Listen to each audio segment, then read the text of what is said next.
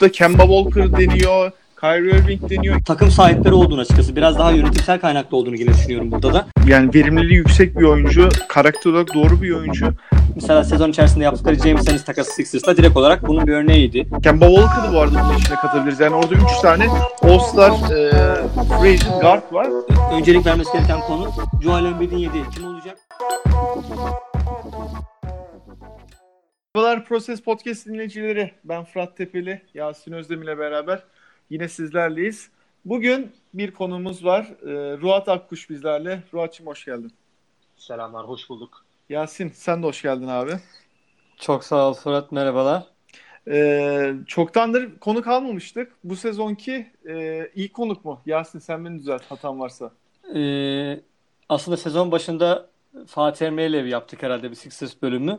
Aynen Ee, haklısın. Ruhat'la da hani uzun zamandır ikimizin de aklında ama bugüne kısmet oldu. Ee, Ruat biraz senden konuşacağız başta. Ee, senin için vurucu bir e, tabirle başlayayım. Sokrates'in Wonder Kit'i desek e, fazla mı söylemiş oluruz? Ya estağfurullah ben e, bu konuda yani böylesine bir yorum yapmam biraz e, tırnak içerisinde kibirli olabilir ama sağ olsun dergideki benden yaşça büyük insanlar bize değer veriyor. Dergide çalışmamız adına bir şans verdiler. Elimizden geleni yapıyoruz diyelim. Şimdi sen 21 yaşındasın. Çok gençsin. Genelde e, Sokrates ekibindeki e, çalışanların yaş ortalaması 27 ile 35 arasında diye nitelendirebiliriz ama sen o ekipte en gençlerden birisin ve şu anda e, aslında bir de hukuk öğrencisisin temelde. Aynen öyle. Bir yandan da Sokrates kısmını yürütüyorsun. Ben biraz e, işin başlarından alacağım. E, 2010 2008'den beri NBA'yi takip ettiğini biliyoruz ama bir All Press macerası var herhalde değil mi? Biraz oradan alalım. Ee, şöyle esasında All Press'ten de biraz öncesi var ama orası biraz daha benim yaptığım işler açısından biraz daha flu kalabiliyor. Yani orada e, NBA Arena olsun, Trend Basket olsun, NBA günlükleri olsun çeşitli yazı yazma ve habercilik deneyimlerim oldu web sitelerinde. Yani biraz daha tabii amatör deneyimler ama All Press'le beraber ve All Press'le beraber tanıdığım insanlarla ya, e, ortak bir proje yapma imkanı buldum. Hepsi benim yüzle görüştüğüm, yakından tanıdığım insanlardı. 5-6 kişilik bir arkadaş grubuyla öncelikle bir spor hesabı kuralım dedik. Yani çok klişe bir fikir, çok basit bir fikirdi ama hepimiz e, basketbol, futbol bunlar bir kenara dursun. Farklı farklı sporları bir şekilde takip etmeye çalışıyorduk. Dedik neden e, bu konudaki haberleri, kendi gördüklerimizi insanlara aktarmayalım. Bir Twitter hesabı kurduk. Bu zamanla farklı sporları da biraz e, bünyemize kattığımız için, ilgilendiğimiz için insanlarca da ilgi gördü. Daha sonrasında dedik ki biz neden bir web sitesi kurmuyoruz? Çünkü hepimiz daha öncesinde belli bir yerlerde hobi olarak yazmıştık. Yazı yabancı dil biliyoruz, çeviriler yapıyorduk. Dedik bir web sitesi açalım. Bu sayede e, allpress.org'u kurduk web sitemizi. Orada hem hı hı. blog orayı blog olarak kurduk. Kendimiz e, NBA'ye dair, futbola dair, farklı sporlara dair, Amerikan futboluna kadar yazılar yazıyorduk. E, yabancı medyada özellikle çıkan güzel yazıları ESPN'dir e, vesairedir. Diğer yabancı sitelerde çıkan yazıları çeviriyorduk. Böyle bir or- e, platform kurduk kendimize. Ama sonrasında sonu çok istediğimiz gibi bitmedi. Bizden kaynaklanan sebeplerden ötürü. E, Twitter hesabımız kapatıldı. O biraz bizim amatörlüğümüz tırnak içerisinde iş bilmezliğimizden ötürü. Bir videodan dolayı telif yedik. Sonrasında tekrar açtık hesabımızı fakat ya en nihayetinde biz e, bu işi hobi olarak yapıyorduk. Bu işten para kazanmıyorduk. Ben üniversite sınavına hazırlanıyordum. O dönemdeydim yani. 17-18 yaşındaydım. E, bu arkadaş çevremden benden büyük olanlar vardı işte. Üniversiteye yeni adım atmış. Ya da aynı şekilde benim gibi üniversiteye hazırlananlar vesaire. E, herkes farklı mesai alanlarına yönelince haklı olarak biraz daha öyle bir proje olmaya doğru gitti. Şu anda hala o grupla kemik bir sohbet grubumuz var fakat Ultras şu anda öyle durumda diyebiliriz. Peki şimdi oradan sonra da bir Sokrates'e geçiş dönemi var. Tabii şimdi senin aslında temelde baktığımızda hayatının en kırılma dönemlerinden biri. Yani üniversite sınavının e, hazırlığı, işte senin sonra İzmir'den İstanbul'a gelişin ve şu anda işte bir hukuk öğrencisi olman. E, o dönemde Sokrates'ten e, seni kim gördü? Yani scout kimdi tırnak içinde? E, scout Uğur Ozan Sulak'tı. Esport'ta NBA'in yayınlarını yapan, spikerliği yapan aynı zamanda derginin de, Sokrates serginin de editörlerinden. Ben Uğur Ozan'la yani lise birden bu yana mailleşiyordum. Bir şekilde yazışıyordum. yazdığım yazıyı göndermiştim lise 1'de. Daha 16 yaşında falandım o dönem. Sağ olsun geri dönüş yapmıştı yazıma. Yapıcı bir eleştiride bulunmuştu. Tavsiyede bulunmuştu. Beğenmişti yazımı. Daha sonrasında kısa kısa mesajlaşmalarla önce mailden sonra Twitter'dan e, mesafeli bir muhabbet kurduk.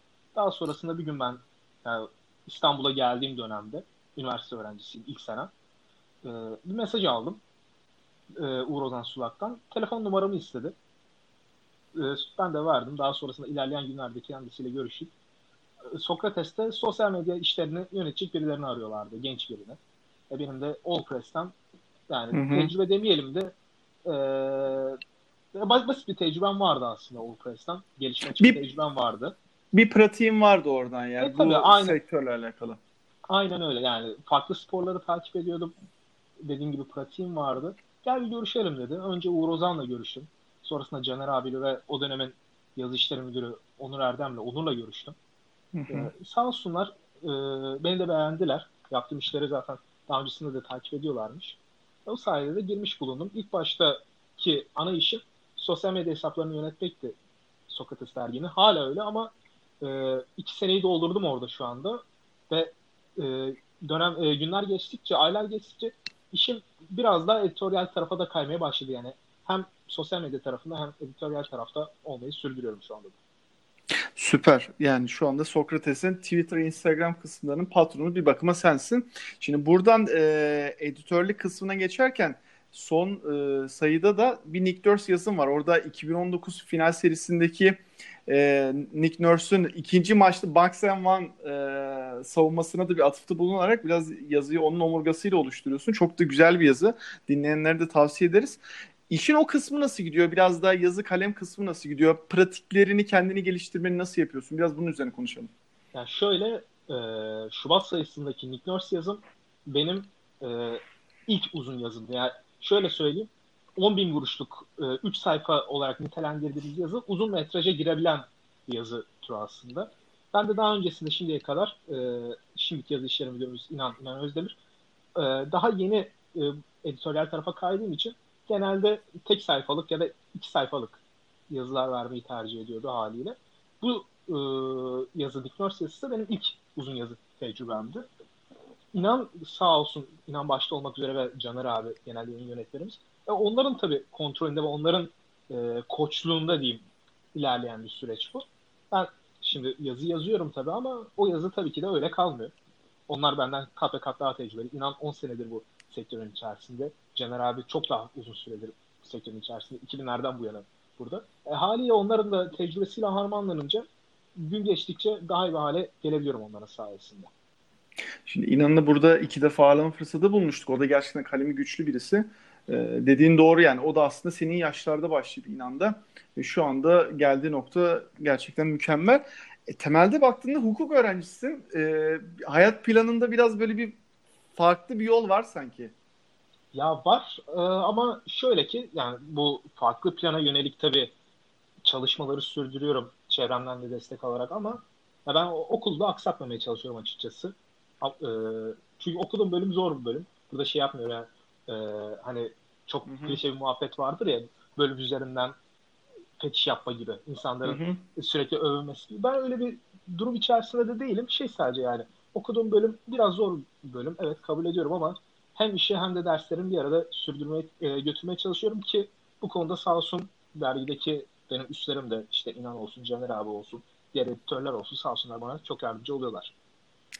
Okey bir de tabii fantazilik olayınız var. Orada gerçekten şu özellikle draftı canlı yayınladınız. O da bir e, görsel anlamda değişik bir deneyimdi değil mi? Yani orada işte kamera açıları e, ben yani hatam varsa düzelt beni. Sabit kameralar da vardı ama gördüğümüz kadarıyla e, gezici hani kameralar da vardı ve ciddi de uzun bir yayındı o. Evet aynen öyle. Ben e, şimdi Sokrates Stüdyo'nun genel yayın yönetmeni olan Onur Erdem sayesinde biraz sırtım ana kameraya dönüktü ama sağ olsun. E, dediğim gibi gez, gezici kameralar vardı. Benim de ilk yayın tecrübemdi açıkçası. Yani daha önce herhangi e, YouTube yayınına çıkmamıştım herhangi bir şekilde bizim YouTube kanalında. Güzeldi ama bunu ilerleyen dakikalarda da konuşuruz. Takımım çok iyi bir durumda değil. Ee, ilk turdan Joel Embiid'i seçmiştim. Kendisine de bazı laflar hazırladım. Sizlerle beraber bol bol konuşuruz o kısmında. Okey süper. Ee, Yasin sen de tamamsan yavaştan artık NBA konuşmaya başlayalım. Tabii ki.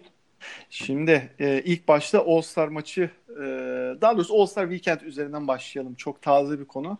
E, ondan sonra da e, Ruat'ın attığı pas üzerine baya baya Sixers derinlemesine konuşacağız. E, Yasin sana topu vererek başlayayım burada. Uzun zamandır görmediğimiz e, yani son periyot bir yana e, weekend anlamında da yani bir hafta sonunun bütünü anlamında baktığımızda da doyurucu bir All-Star hafta sonu oldu değil mi? E, haklısın. Tabii ki All-Star maçı özelinde format değişikliği yani damgasını vurdu hafta sonuna genel olarak. E, herkesin çok mutlu olduğu e, en çok keyif aldığım All-Star bu dediği bir e, hafta sonu oldu. Onun haricinde tabii bir sürü üzücü olayın olması, an, anma etkinlikleri, işte e, performanslar falan da çok iyiydi. Yani sanatçılar olsun vesaire. Dolayısıyla e, ben ki bayağı bir uzun süredir All-Star maçlarına ilgisiz bir basketbol severim. Açıkçası öyle söyleyeyim. Hala daha yani benim için All-Star organizasyonu demek e, bu sene hariç sadece cumartesi gecesi işte smaç yarışmasıyla üçlük yarışmasını izlediğim bir etkinlikti. E, ben bile izlediğime göre All-Star maçını demek ki gerçekten etkili olmuş. Ee, evet gayet iyiydi. Doyurucu bir e, maçtı orada da. Son periyotta özellikle yani tabii format değişikten dolayı insanlar belki tam e, mantığı oturtamayanlar olabilir. Hani öncesinden bilgisi olanları tenzih ediyorum ama e, Ruat sen canlı izledin mi? Sen ne düşünüyorsun bu hafta sonu hakkında? Ee, ben cuma ve cumartesi gününün etkinliklerini canlı izledim ama pazar gününün etkinliğine hem yani Yasin abinin de dediği gibi yani öncelikle şu konuya bir açıklık getirmek gerek. Yasin abi dedi ben sevmiyorum diye pazar günü maçlarını. Yani bu işi profesyonel olarak yapan, işte yorumlamayı, anlatmayı, NBA'yi profesyonel olarak yapan insanlara bile sorsak NBA All-Star haftasından bu seneye kadar pek de zevk almadıklarını söylerler zaten. Yani bu herkese bilinen bir gerçek. Ben dediğim gibi pazar gecesini e, canlı izlemedim. Okuldan ve mesaiden kaynaklanan sebeplerden dolayı dinleyicilerin birçoğu da belki de öyledir. Vakit ayırmamak konusunda ama tekrarını izlediğimde dahi yani neticede sonucunu bildiğim bir şey ama o zaman bile gerçekten büyük bir zevk aldım. Çünkü yani en basit örneği yani Antetokounmpo üzerinden verebiliriz. Normal sezonda şimdiye kadar 30-31 dakika ortalamayla oynarken ve All-Star maçında 37 dakika oynadı. Son çeyreğe baktığımızda 24 sayıya ulaşan biteceği bir çeyrek. Normalde ne dersiniz? 6-7 dakikada bu çeyreği bitiririz herhalde. Maç tamamlanmış olur 6-7 dakikada. 12 13 dakikaya kadar uzandı. Maça baktığımızda önceki All-Star'lardan çok farklı olarak 35 tane foul yapıldı özellikle son çeyrekte oyuncular hücum foul almaya çalıştı. Yani bildiğin playoff sertliği vardı o maçta. Yani bu farklı kanın gelmesi, bu format, format değişikliği izleyici açısından da NBA açısından da bayağı işe yaramış gibi görünüyor. Ya doğru diyorsun. İnan da bahsetmişti ondan yani. E, ciddi bir savunma var ve James Harden'ın e, yarı boş pozisyonu diyeyim hani belki tam olmasa bile yarı boş pozisyonda şut atmaktan çekinip topu tekrardan e, üçlüğün gerisine çıkarması e, gibi şeyler gördük orada da. Son yıllarda görmediğimiz çok e, enteresan bir hafta sonuydu bizim için de. E, Yasin sana şunu sorayım. E, smaç yarışmasına gelelim yavaştan. Şimdi orada tabii e, biraz da insanların içine sinmeyen de bir durum oluştu. Ya, iş biraz Wade'in üstüne kaldı ama o, orada aslında tek 9 puan veren de o değildi yani. E, Miami lobisi diyorlar. Ee, ne düşünüyorsun peki smaç yarışması hakkında? Ee, yani açıkçası eğer ilk smaçta zannedersem e, e, Derek Jones Jr. smacında e, puan kırmışlardı. Değil mi? Yanlış mı hatırlıyorum? İlk smaçta puan kırıldı. O da çünkü dokunmuştu. Evet. Evet, evet. E, üstünden atladığı kişinin vücuduna. Dolayısıyla orada Takafol'dan yani tabii ki Takafol bünyesinde bir insanın e, üzerinden smaç yaparken puan kırması bence pek e, hani uygun olmadı ama oyunun kuralı gereği açıkçası puan kırıldılar. Adam hani o zamana kadar 5 smacında 50 puan alarak geldi ve yine e, kaybetmiş oldu ki gecenin en güzel smacı zaten bence o Fultz'un pasıyla tekel köşeden yaptığı 360 derece dönerek vurduğu smaçtı. E, yani bence orada direkt zaten bitmeliydi. Benim gözümde hani o smaç bile başlı başına e, yeterliydi kazanması için ama oyunun kuralı gereği dediğim gibi e, kazanamadı yine. O artık herhalde kazanamayan en iyi smaçar olarak hayatına devam edecek. Ya orada biraz şey var o smaçta. Görsel böyle hani gözüne çok hoş oturuyor. Abi Vince Carter'da vardır ya o hani Vince Carter'ın maçı smaçlarında da çok fazla görürsün. Yani topun eline çok iyi oturması ve e, vücudun ahenkle hani o e, smacı tamamlamasıyla beraber onu görüyorsun o Evet. smaçta da. Kesinlikle hak veriyorum orada da sana. Ruat sen ne düşünüyorsun? E, smaç yarışması herhalde son zamanlarda gördüğümüz yine en iyi performanslardan biriydi. Aynen öyle. Ee, smaç yarışmalarında bu smaç yarışmalarına katılan oyuncularda bir noktada bakılması gereken şey bence bu smacı ne kadar yapılmasının ne kadar kolay gösterdiği. Evet belli bir efor sarf ediliyor ama mesela Zach Lavin'in kazandığı sezona bakın. Faul çizgisinden yap, yap, e, sıçrayarak yaptığı smaçta mesela ya inanılmaz basitmiş gibi yani normal e, pot altında smaç basıyor, basıyormuş gibi e, vurmuştu o smacı. Aaron Gordon'un bu hafta sonunda yap- yaptığı performans da öyleydi ama yani bilemiyorum. Biraz orada haklılar bence Miami Dolphins konusunda. Ya orada e, istikrarı şöyle sağlamak gerek. Yani smaçları 10'a 10 üzerinden puanlamak yerine belki tüm smaçlar yapıldıktan sonra işte jürilerin abi benim en iyi smacım bu puan olmadan bahsettiğim şey sıralama üzerine. Ya en iyi smacım şu. İşte X e, sıraya Aaron Gordon'ın pulsu pasıyla aldığı smacı koyuyorum. İkincisine Derrick Jones Jr.'ın şu sma, smacını koyuyorum gibi bir sıralama olursa en azından daha güvenilir bir e, seçim olabilir. Yoksa aksi takdirde yani Aaron Gordon iki tane smaç şampiyonluğumu çalmış gibi hissediyorum demekte haklı. Bu şey demek değil bu arada. Zach Lavin hak etmedi ya da Derrick Jones hak etmedi demek değil bu. Ama bir istikrarsızlık olduğu söz konusu bu puanlamalarda. Şey konusunda haklısın. Yani böyle bir e, öneride, böyle bir uygulamada kesinlikle daha adil olacağını haklısın ama orada tabii şey var ya. Adam smacı yapıyor ve işte 5 saniye içinde, 10 saniye içinde bir puan alınıyor. Ona göre hani o o anki duygu hemen sonucunu görüyorsun ve işte ya üzülüyorsun ya diyorsun ki 50 tam puan aldım. İşte çok mutluyum. O anda adam 50'yi görünce işte taraftarlara bakıyor, selamı çakıyor, şudur budur. E, o anda tabii bir görsel bir şey de var, bir show da var. Tabii belki o e, ortama kalkmış olur ama şeyde kesinlikle haklısın. Yani daha adil olacağından haklısın. İşte tabii de orada işte jüri seçimi nasıl yapılıyor şuna buna falan onlara gidiyor ama e, yine de en nihayetinde dip toplamına baktığımızda hem All-Star maçı hem e, cumartesi günü gayet doyurucuydu diyebiliriz yani e, o bağlamda. Peki gençler yoksa ekleyeceğiniz bir şey yavaştan Sixers'a giriyorum o zaman. Tamamdır. Tamam. Ee, şimdi Sixers konuşacağız. Saf Proses Podcast yapacağız. Versiyon NBA değil. 34-21 şu anda Sixers 5. sırada doğuda. Sixers'ın şu anda en kolay e, fikstür sıralamasının ikinci. Yani ligin en rahat ikinci fikstürüne sahip. Ve şu anda 27 tane maçı kaldı. Yani son düzlüğe girdik. Tam da e, All-Star öncesinde ortalık tam bir alev yeriydi. Ee, burada baktığımızda işte Al Horford'un bench'e çekilmesine yavaştan değineceğiz. Artı saha içi ya da daha doğrusu Wells Fargo Center ya da deplasman daha doğru bir tabirle arasındaki oyun kalitesindeki e, farklılık yani bunu çünkü artık e, ayyuka çıkmış durumda. Şu anda e, Wells Fargo Center'da yani kendi evinde oynadığı e, en iyi performans Sixers'ta. E, diğer taraftan bakıyorsunuz deplasmanda ise tam tersi bir görüntü var. Furkan'ın iyi performansları var. Ee, All-Star öncesi de Clippers'a karşı çok kritik bir maçtı. Genel olarak da rahat bir oyunla kazandılar. Ben genel olarak böyle derledim. İlk konumuza torpil geçerek Ruat senle başlayalım. Ee, 34-21 ilk başta şeyi e, alarak başlayalım yani. All-Star öncesindeki o son düzlükte sen Sixers'ı nasıl gördün? Ondan sonraki periyotta da şeyi konuşacağız. All-Star sonrasında yani sezon sonu nasıl gideceğimizi. Ee, şöyle söyleyeyim. Clippers maçından daha önceki işte Memphis ve Chicago maçlarından Furkan'ın toplam 65 sayı attığı dönemde esasında bir toparlama sürecine girmeye çalıştı Philadelphia.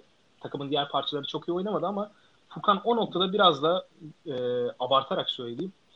Philadelphia'nın sezonunu kurtarmaya çalıştı. Çünkü önceki 4 maçı kaybetmişti Philadelphia ki bu 4 maçtan ikisi ya da 3'ü direkt zirvedeki rakiplerine karşı değil. Miami ve Boston olması lazımdı. Dinleyicilerden özür diliyorum. Tam hatırlamıyorum ama yani. Evet. de, Miami ve e, Milwaukee. yani Ba- kötü bir dönem. Boston var mıydı? Boston. Boston da vardı. Boston, Miami, Milwaukee arka arkaya. Hı-hı. Abi yani e, böylesine bir kadrodan niye bekliyorsun? Geçen e, en azından. Konferans finalinde değil mi? Yani o nokta contender olmasını beklediğim bir takım. E, böylesine hedef maçları üst üste oynadı. Hedef maçlarının tamamını da kaybedince e, bir noktada duraklama dönemine giriyor. Ki o Memphis ve Chicago maçlarını da kaybetseler dediğim gibi yani Furkan bir nevi kurtarmamış olsaydı takımı şu anda çok daha farklı şeyleri konuşuyor olabilirdik. E, daha- sonrasında Clippers önünde aldıkları galibiyet All-Star arasına lan biz acaba All-Star sonrasında kendimizi daha öne atabilir miyiz diye sokmalarını sağladı ama yani takımda şu anda gidişat çok iyi değil. Al Horford mesela bundan 3-4 sene önce baktığımızda Demar Carroll gibi aynı iş ahlakı üzerinden saatlerce övebileceğimiz bir oyuncuydu. Harika bir savunmacıydı ama şu anda baktığımızda dizleri onu savunmada inanılmaz zorluyor. Bacakları gitmiyor artık. E, Philadelphia'nın e, Amerika'daki en zorlu seyirci olduğunu siz benden daha iyi biliyorsunuz. Al Horford'un sağ, iç sahada yuhalanması, daha sonrasında basına takımdaki sorunlara dair konuşması. Yani hiç görmediğim şeyler gördük Al Horford'dan. Al Horford Philadelphia ile imzaladığında ondan beklemeyeceğimiz şeyler gördük şimdiye dek. Yani gidişat çok iyi değil ama Al Horford'un bench'e çekilmesi ve takımın biraz daha kısalması, Furkan'a verilen rolün artması en azından J.J. Redick rolü gibisinden. Neticede Furkan'ın olduğu dönemde Furkan Ben Simmons'la beraber J.J. Redick'in oynadığı gibi tepeden o pick and roll'ü oynayabiliyor. Şutu atabiliyor. Penetre edebiliyor. İki dribbling yap yani e, topla delebiliyor. Bu sadece penetre olarak da değil. İki dribbling yapıp kendine orta mesafe şutu yaratacak alanı sağlaması da aynı şekilde. Bu noktada kendine bir şart yaratabilir Philadelphia. Bir e, çıkış yakalayabilir ama burada Embiid'in performansı da Embiid'in ve Ben Simmons'ın birbirine uyumu da biraz sıkıntı olacak. Abi Yasin abi ben orada pas atayım. Şey çünkü yani Embiid basına da kalkıp ben daha içeriden oynayabilirim fakat Ben Simmons'a alan açmam gerekiyor en nihayetinde diyor. Ya bu da biraz e, Philadelphia'nın oyununu minimize ediyor diyebiliriz bence. Ya Şu son dönemde e, sen çok iyi derledin yani e, takım içinde biraz şey sorunları da oldu yani medyaya karşı da dile getirilen işte uyumsuzluk, mutsuzluk, işte ritim kaybı sorunları da ayyuka çıktı. Orada bahsettiğin gibi yani Al Horford'un, Joel Embiid'in yuhalanmaları evet yani haklısın Philadelphia seyircisi en zor seyircilerden biri. Ama bu raddeyi hiç görmemiştik. Ee, psikolojik olarak iyicene daralmış şey durumda takım. E, diğer taraftan bakıyorsun birebir rakipleriyle yani tepeye oynayan rakiplerle işte ardı ardına saydık zaten Milwaukee, Boston, Miami maçlarını bir de farkla kaybedince şu anda Brett Brown topun ağzına geldi bir anda. Orada Al Horford'un bench'e çekilmesi kritik bir hamle. Yasin sana o kısımla vereyim topu. Ee, Al Horford'u Clippers maçında bench'ten getirdi. Furkan'ı başlattı. Onunla ilgili sanırım Glenn Robinson'ın başlama durumu varmış. Öyle bir duyumlar aldım ama e, bir de sen yorumla bu All-Star'a kadar geldiğimiz durumu. Tabii ben hem All-Star öncesi durumu, sezon genel değerlendirmesi yapacağım ve All-Star, e, All Horford'un meselesine değineceğim. Ya şöyle 5. E, sıradayız senin dediğin gibi şu anda. Sezon başı hedefine ve medya algısına, tahminlere bakarsan Sixers'ın ilk ikide yer alması garanti gibiydi. E, sıralama olarak hedefinden geridesin bu kesin. E, ama galibiyet yüzdesine bakarsanız açıkçası hani %60'ın üstündesin halen daha. Dolayısıyla orada o kadar kötü bir tablo yok bir anda. E, ve ama asıl sorun tabii ki sahada oynanan oyun insanlara ümit vermiyor. Sezonun bir buçuk ayında ilk bir buçuk ayında Ben Simmons çok kötüydü. Joel Embiid sezon başından beri o geçtiğimiz yıllardaki ateşe sahip değil açıkçası. E, ve kötü bir sezon geçiriyor. Net bunun adını koymamız lazım bence. Ama bence e, işin görmemiz gereken bir kısmı daha var. Ben ne Toronto'nun ne Miami'nin bu kadar iyi olmasını beklemiyordum açıkçası. E, dolayısıyla hani Sixers çok iyi bir basketbol oynasaydı bile her şey yolunda gitseydi bile e, bu takımların arkasında kalabilirdi. Çünkü Toronto ve Miami beklenenden çok iyi. Ben zaten Boston konusunda hani Fırat senden de e, farklı düşünüyordum. Sen biraz daha onlarla ilgili kötümserdin. Ben onları yine zaten buralarda olacağını tahmin ediyordum açıkçası. O anlamda beni şaşırtan bir şey olmadı ama Toronto ve Miami konusunda ben hiç beklemiyordum açıkçası yani e, buralara bu kadar iyi durumda olacaklarını açıkçası. E, onun haricinde tabii playoff'ta benim açımdan e, durum Boston ve Miami'den kaçmak olmalı yani eşleşme olarak. E, bu ikiliden birini seçeceksem sezon içerisindeki duruma göre Boston'ı seçmem lazım. Çünkü sezon içerisinde 3-1 öndeyim ama Heat'ten sadece tek galibiyet alabildim. Toronto ve ben ve Indiana'yı daha uygun rakipler olarak görüyorum. Eğer playoff kısmını da konuşacaksak. Senin de dediğin gibi Fırat e, kalan maçlarımız kolay ve sadece 8 maç %50'nin üzerindeki galibiyet yüzdesine sahip takımlarla oynanacak. E, dolayısıyla görece güzel bir sezon sonu geçmemiz lazım. E, takım içerisindeki meselelere değiniz. Evet, Ol Horford'un bir açıklaması oldu. Sayın odasında işler yolunda değil gibi. E, ama ben Ol Horford'un yani hala daha kötü bir transfer olduğunu düşünmüyorum. Hani geçen sene zaten biz seninle bunu e, yarı geyik olarak böyle Embiid'in yedeklenme mevzusunda hep konuşuyorduk. Hani oraya bir isim monte edilmesi lazım ve Horford uygun isim diye. Dolayısıyla aslında Horford'la Embiid'in aynı anda sahada tutulma denemesi biraz yanlış bir denemeydi. Yoksa bence em, yani Horford Embiid için 10 numara bir yedek olabilir ki bence bunu da gösterecek. Savunma konusundaki sıkıntılardan bahsetti mesela Ruhan. Orada da 4 numaraları savunmakta biraz daha kısa e, oyuncu kovalamak zorunda kaldığı için açıkçası savunmada kötü oldu. Clippers maçında mesela 5 numaraları savununca, ortayı kapatınca pot altını e, yine bildiğimiz Horford'a yakındı açıkçası. Bütün rakamlar e, Horford'un bence alınmasını hani olumlu karşılıyor. Bunun e, mesela Simmons'la Embiid'in oyunu bile bir anda Clippers maçında değişti. Bol bol ikisinin pick and roll'larını falan gördük. Tobias serisinin daha çok e, e, serbest oynayacağını, kısa o, o mesela 3 numaraları savunmakta Tobias Harris zorlanıyor. 4 numaraları savunmak zor, e, zorunda kalacak artık. Dolayısıyla o da daha rahatlayacak. Yani birçok oyuncuya e, olumlu yansıyor. Şu an takımda tek soru işareti olan durum var. Beşinci oyuncu kim? İlk beşteki. Bu da ya Furkan olacak ya Glenn Robinson. Açıkçası ben şu anki takımda Furkan'ın bench'te yer almasını daha uygun bir olarak görüyorum.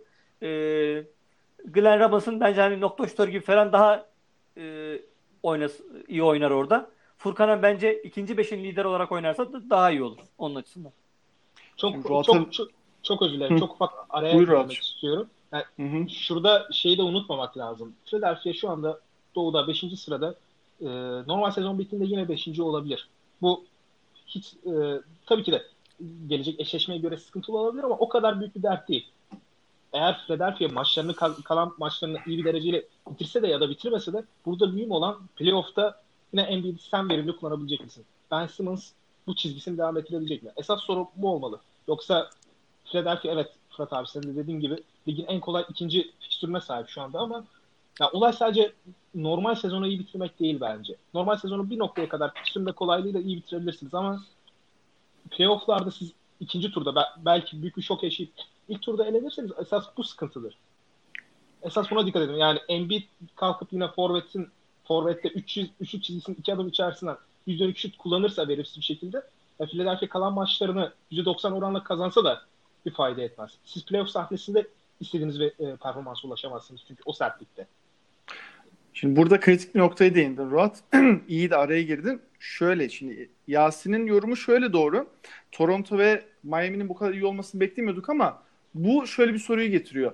Toronto ve Miami playoff ne kadar iyi playoff takımı? Bunu görmedik. Bunu görmemiz lazım.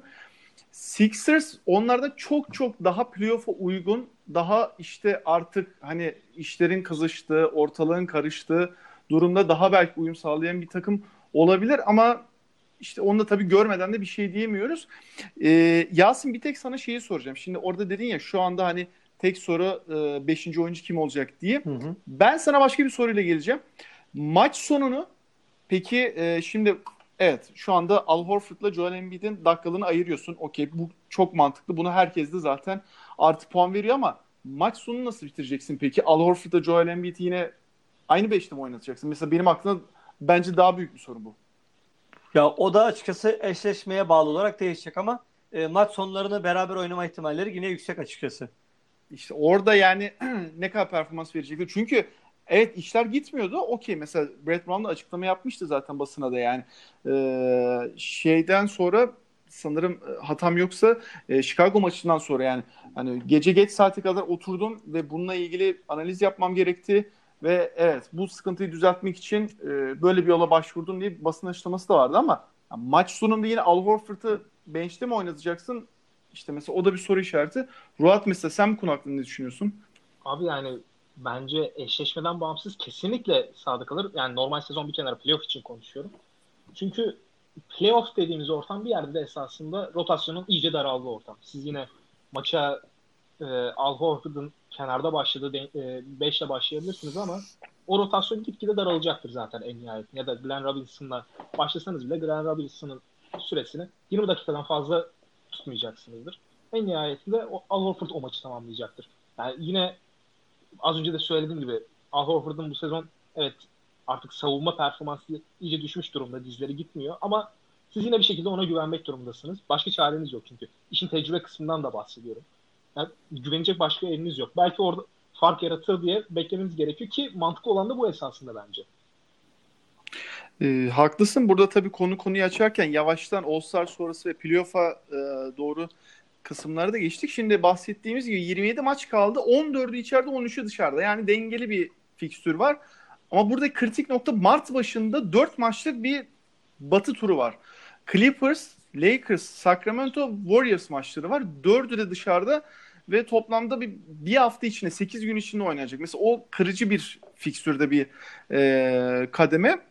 Diğer taraftan Yasin şimdi baktığımızda mesela az önce e, Ruat'la paslaşırken yani örneğini verdiği Miami ve Boston'ın e, playofflarda ne kadar performans vereceğini şu anda kestiremiyoruz ama e, Boston, Miami, Toronto yani bu üç takım da bench gücü anlamında burada coaching anlamında diyorum bench derken oyuncu anlamında demiyorum. Üç de bizden daha iyi duruyor.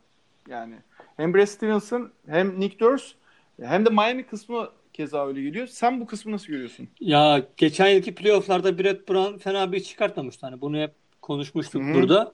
Ama hani direkt olarak yani üstün körü isimleri incelediğin zaman evet her e, üç takım da bizden koç olarak aslında e, avantajlı. Yani sıfırdan bir takım kursak bu dört adamı bize verseler e, her seferinde Brett Brown'u son seçeriz yani. Bu kesin. E, işin o kısmı ayrı. E, ki ben açıkçası e, sezon sonunda ne yazık ki Brett Brown'un kovulacağını düşünüyorum şu anda. E, hı hı. Yani başka bir senaryo şu an göremiyorum. Ha yerine kim gelecek o çok bambaşka bir soru işareti. Orada şöyle bir şey var. Yani tabii Boston'ın fikstürü de benim bildiğim kad- şey kadarıyla bayağı bir zor. Miami'nin de kolay. Dolayısıyla her, o her iki takımın hani Sixers yer değiştirmese bile her iki takımın yer değiştirmesi de olası. Ee, yani orada eşleşmeler için daha çok erken. Sixers'ta bence maksimum üçüncü olabilir burada. Hani her şey çok iyi giderse. Yani ilk iki sıra zaten tamamen hayal artık. Valla orada baktığımızda haklısın. Şimdi ilk iki sıra biraz koptu gibi ee, bahsettiğinde hemen ona da dipnot geçeyim. Miami Heat'in de en kolay 5. fikstür. Yani orada da Miami'nin e, bir sakatlık vesaire oluşmadığı durumda yani çok bir kaybın olmayacağını ben de düşünmüyorum. E, ama evet yani bir de playofflarda baktığımızda Brett Brown'un böyle bir durum var. Ben de kendi kişisel görüşümü belirteyim. Burada konferans finali olmazsa ki şu anki tabloda bu çok zor görünüyor. Brett Brown'un ben de olacağını düşünüyorum. Çünkü iyice artık şu anda süreç sıkıştı. Ee, yıllardır takımın başında ve bir üst seviyeye coaching anlamında geçemiyor takım. Ee, Ruat şimdi biraz playoff ışığına bakalım. Ee, burada dediğimiz gibi yani az önce biraz e, Toronto, Boston, Miami özelinde konuştuk ama işte biraz dönüp dolaşıp onlara gidiyor gibi. Yani orada bir ilk turda bir eşleşme olacak gibi. Ee, sen o kısmını nasıl yürüyorsun?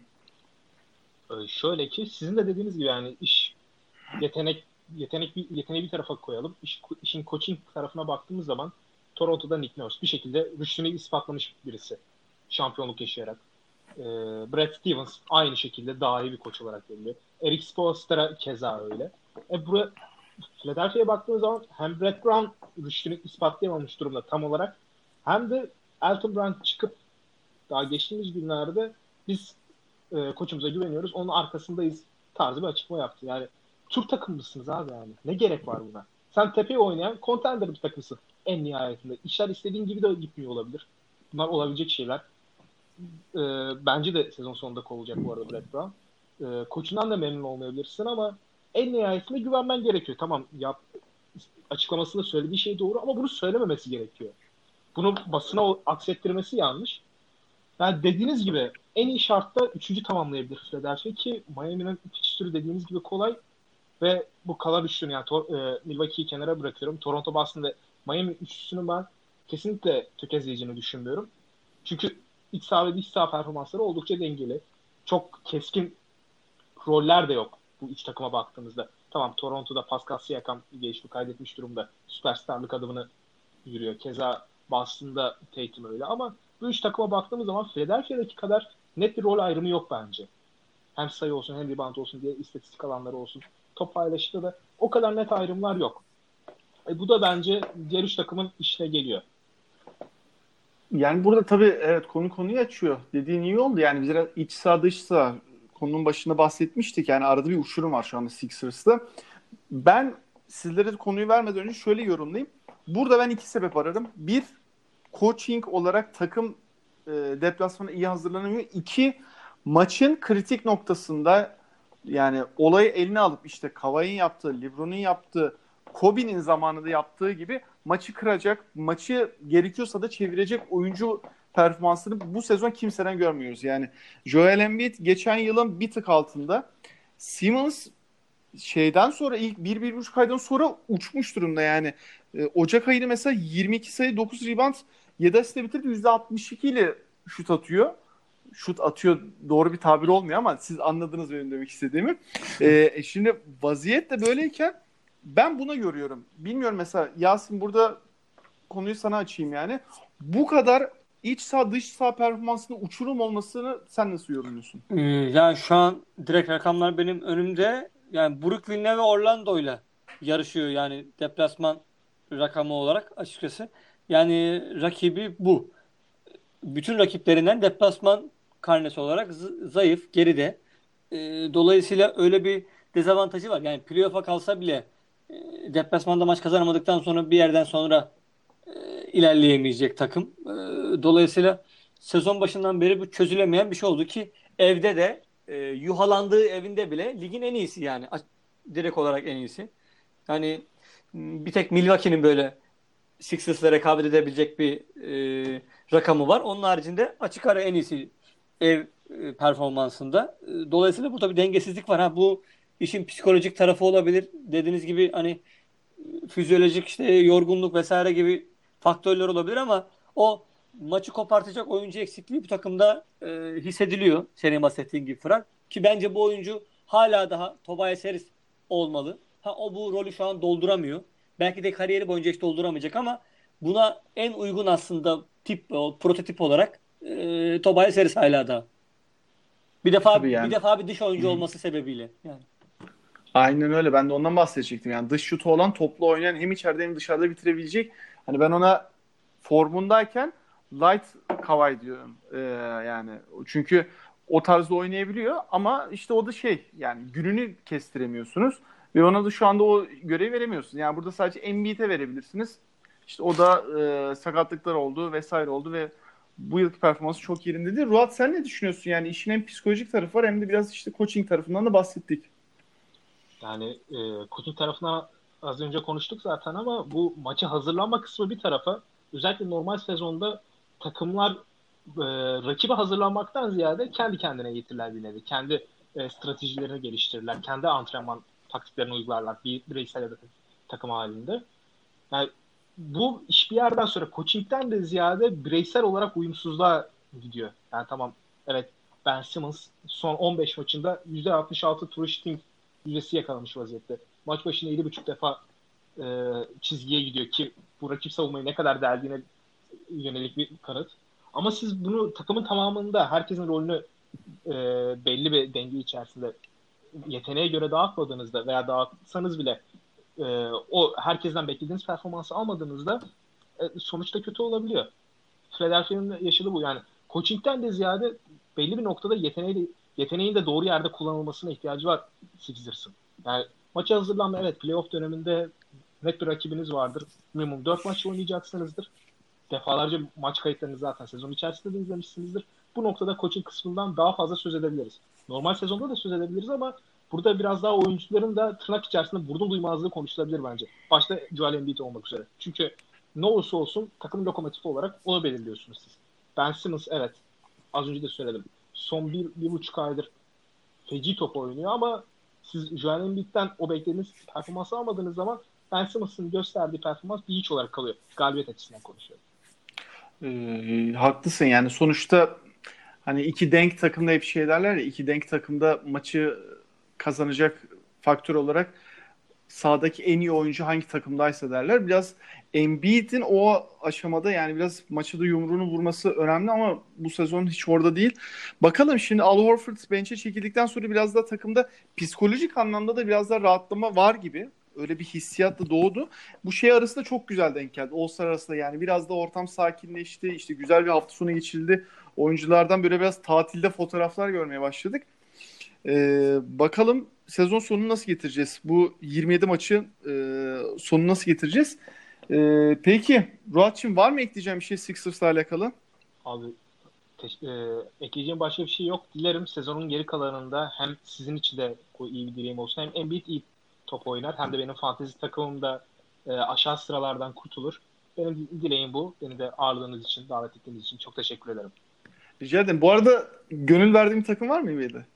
Yani şöyle Lakers'a gönül veriyordum ama yani bu zamanla yani özellikle podcast'ın başında da söyledim. Ben basket izlemeye daha doğrusu. 2008-2009 dönemiyle başladım. Ve o dönemin de zirvesinde olan iki takımdan biri de Lakers'tı. Hı hı. Kobe Bryant önderliğindeki Lakers'tı. Ben Lakers'ı severek başladım NBA izlemeye ama e, Lakers'ın benim tam e, bilinç, basketbol daha bilinçli izleme dönemime girildikçe Lakers'ın kötü gitmesi de biraz bunda etkili oldu. Biraz daha bilinçli, genel olarak basketbol da bilinçli tamam bunda etkili oldu. Yani takım desteklemekten ziyade olan oyundan haz almaya çalışıyorum diyelim. Yani şu, bu sezonda mesela geçtiğimiz sezonda aynı şekilde Toronto'yu destek e, seviyordum. Destekliyordum demeyeyim de. Önceki sezonlarda Stephen Curry hayranlığından dolayı Golden State'e bir sempatim vardı ama geçen sezon Golden State Toronto'ya kaybedince çok bir şey hissetmedi yani. Toronto kazanmış oldu. Ee, bu saatten sonra biraz daha ben total olarak oynanan oyundan zevk almaya çalışıyorum sadece taraftarlıktan ziyade. Güzel. O da güzelmiş. Ee, Yasin'cim var mı ekleyeceğim bir şey? Ee, Jimmy Butler'la Embiid ilişkisine değinecek miyiz? değinelim abi. Güzel bir konuyu açtın. Ee, en son ona da bir değinelim. Yani orada da yani abi hani çalabileceği bir o hani çalabilme amacıyla mı hani şey yapıyor? Hani onu da tahayyül edemiyor insan ama evet yani hani çok yakın bir arkadaşlıkları var. Ee, ama hani konu nerelere geldi diye de insan biraz şaşırıyor değil mi Yasin?